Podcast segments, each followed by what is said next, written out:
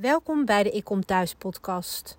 Deze podcast gaat over mijn Spaanse avontuur, maar meer nog over thuiskomen bij jezelf.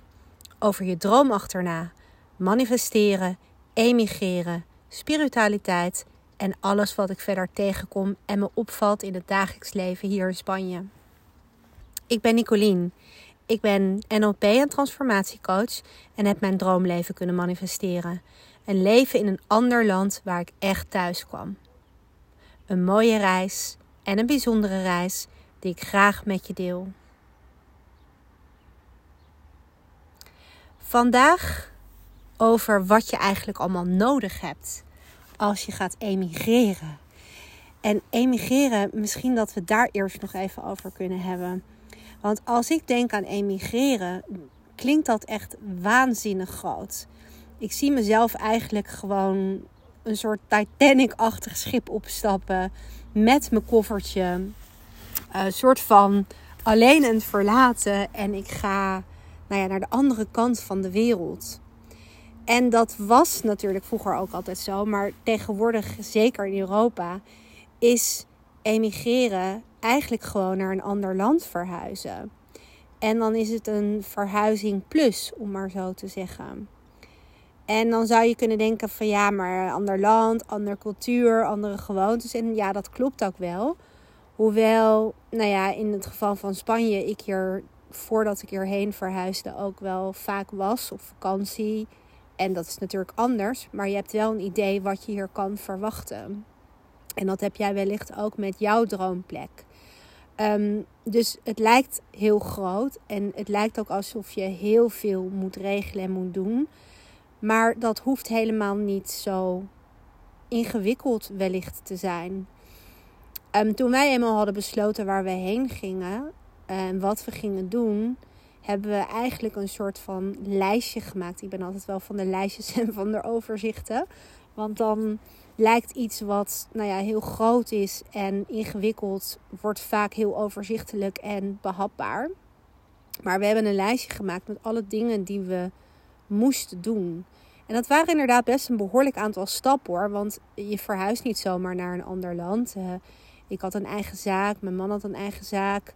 Uh, je hebt verantwoordelijkheden, je hebt familie, je hebt vrienden. Je hebt, nou ja, alles, je hebt alles op de plek. Hè? In mijn geval toen Amsterdam, waar ik woonde. En dat laat je natuurlijk niet vanaf de een of de andere dag zomaar achter. Dat is niet, je draait de sleutel om en klaar.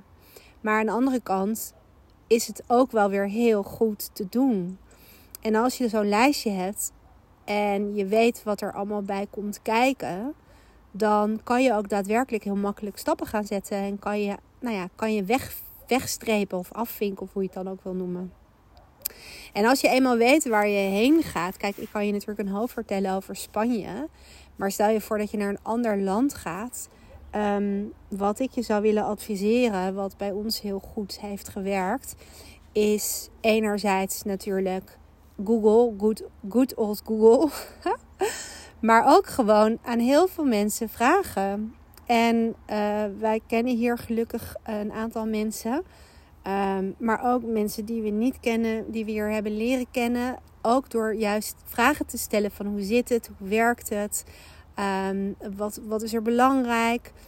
Um, nou goed, mensen zijn blij om je te helpen op de plek uh, hè, waar je zit. En ze weten vaak dan ook echt de lokale informatie. Dus ik denk dat voor ons was dat in ieder geval heel nuttig. En mijn advies is ook: vraag het aan verschillende mensen. Want iedereen heeft natuurlijk zijn of haar eigen insteek. En wat hij of zij zelf belangrijk vindt, afhankelijk van de situatie hè, waar iemand in zit. Dus vraag het aan verschillende mensen, zodat je daar zelf je eigen nou ja, waarheid of wat voor jou relevant is uit kan halen. En er ligt zoveel kennis bij de lokale, uh, bij de lokale bevolking, bij de mensen die ergens wonen. Um, als ik nu bijvoorbeeld al terugkijk naar wat ik allemaal weet over hoe het hier werkt en waar je aan moet denken en wat er handig is om wel te doen of juist niet te doen. Ja, dat is echt een enorm verschil eh, ten opzichte van vorig jaar toen wij hier net kwamen, dan, hè, als ik dan terugkijk, ja, zijn er best wel wat verrassingen, om maar zo te zeggen, geweest. Omdat we gewoon niet beter wisten. En eigenlijk van onze Nederlandse, ja, gewoontes, historie uitgingen. Van, nou, dat zal dan hier ook wel zijn. Een heel grappig voorbeeld trouwens, is niet major.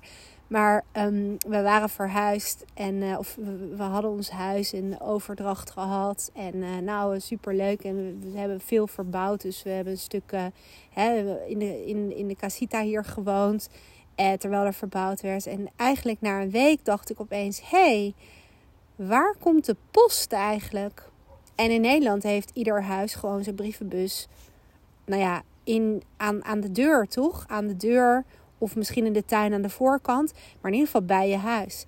Nou, hier in Spanje helemaal niet. Je hebt hier, niemand heeft hier bijna een brievenbus voor de deur. Of bij je huis, bij je deur, bij je poort. Um, maar uh, iedereen heeft bijna, of tenminste de meeste straten hebben een, um, een soort verzameling brievenbussen aan het begin van de straat. Dus wij kwamen erachter na een week of twee, één, twee. Uh, en dacht, ja, oké, maar welke brievenbus is er dan van ons? En um, waar is de sleutel, weet je wel? Nou, uiteindelijk allemaal goed gekomen en we krijgen gewoon post. Duurt trouwens wel ietsje langer vanuit Nederland dan wat je gewend bent. Maar dat zijn van die grappige verschillen uh, die soms wel handig zijn om te weten. Ook, uh, nou ja, goed, ik, ik zal in de komende podcast nog wel wat andere leuke gewoontes en verschillen benoemen, want het zijn er nogal wat. En nog steeds, moet ik heel eerlijk zeggen, zijn er dagelijks wel verrassingen. Dat je denkt, ah, werkt dat zo? Um, dus, dus wat dat betreft is dat, vind ik dat ook wel weer heel leuk en heel grappig. Hè? Qua om cultuurverschillen.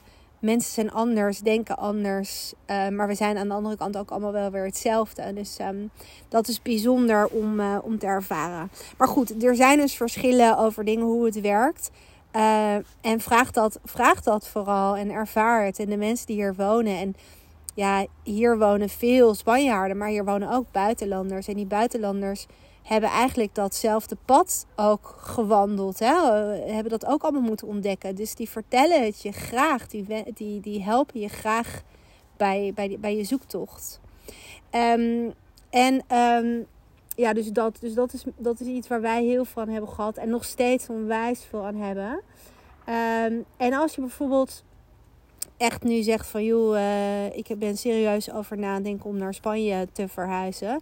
Wat heel belangrijk is, um, wat je echt moet regelen, um, is het NI-nummer. En dat is NIE. En dat is een soort van, ja, ik vergelijk het maar een beetje met een BSN-nummer in Nederland. Een, ja, een, persoonlijk nummer. Uh, waardoor je geregistreerd bent in Spanje. En dat betekent nog niet dat je inzittende bent of dat je hier officieel woont.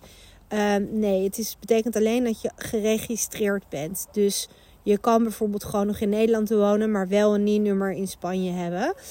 En dan zou je denken, ja, waarom heb ik dan zo'n NIE-nummer nodig? Wat moet ik daarmee? Nou, ik kan je vertellen, je hebt het hier ongeveer overal voor nodig. Nog net niet om naar het toilet te gaan in de restaurant. Nee, grapje. Maar wel bijvoorbeeld als uh, als ik een pakketje bestel bij uh, zeg maar de bol.com van hier en het pakketje wordt geleverd, uh, dan vragen ze mijn nummer als een soort van identificatie. Um, dus dat is iets waar je het ook voor nodig hebt. Maar wat waarschijnlijk veel belangrijker is als je erover nadenkt om te emigreren naar Spanje, is dat je een NIE-nummer nodig hebt voor je bankrekening bijvoorbeeld. Uh, maar ook voor het kopen van een huis of het huren van een huis. Um, dus een NIE-nummer is absoluut, uh, als je dit serieus overweegt, een, een hele fijne om te regelen.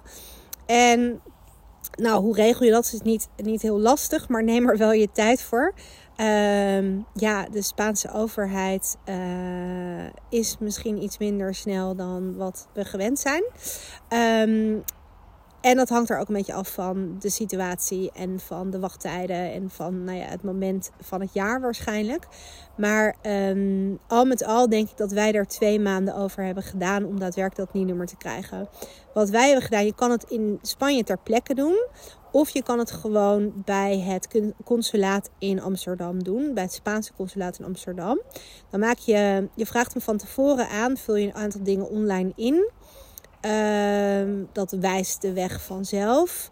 Uh, en vervolgens uh, moet je geloof ik je paspoort meenemen en een foto en dat soort dingen.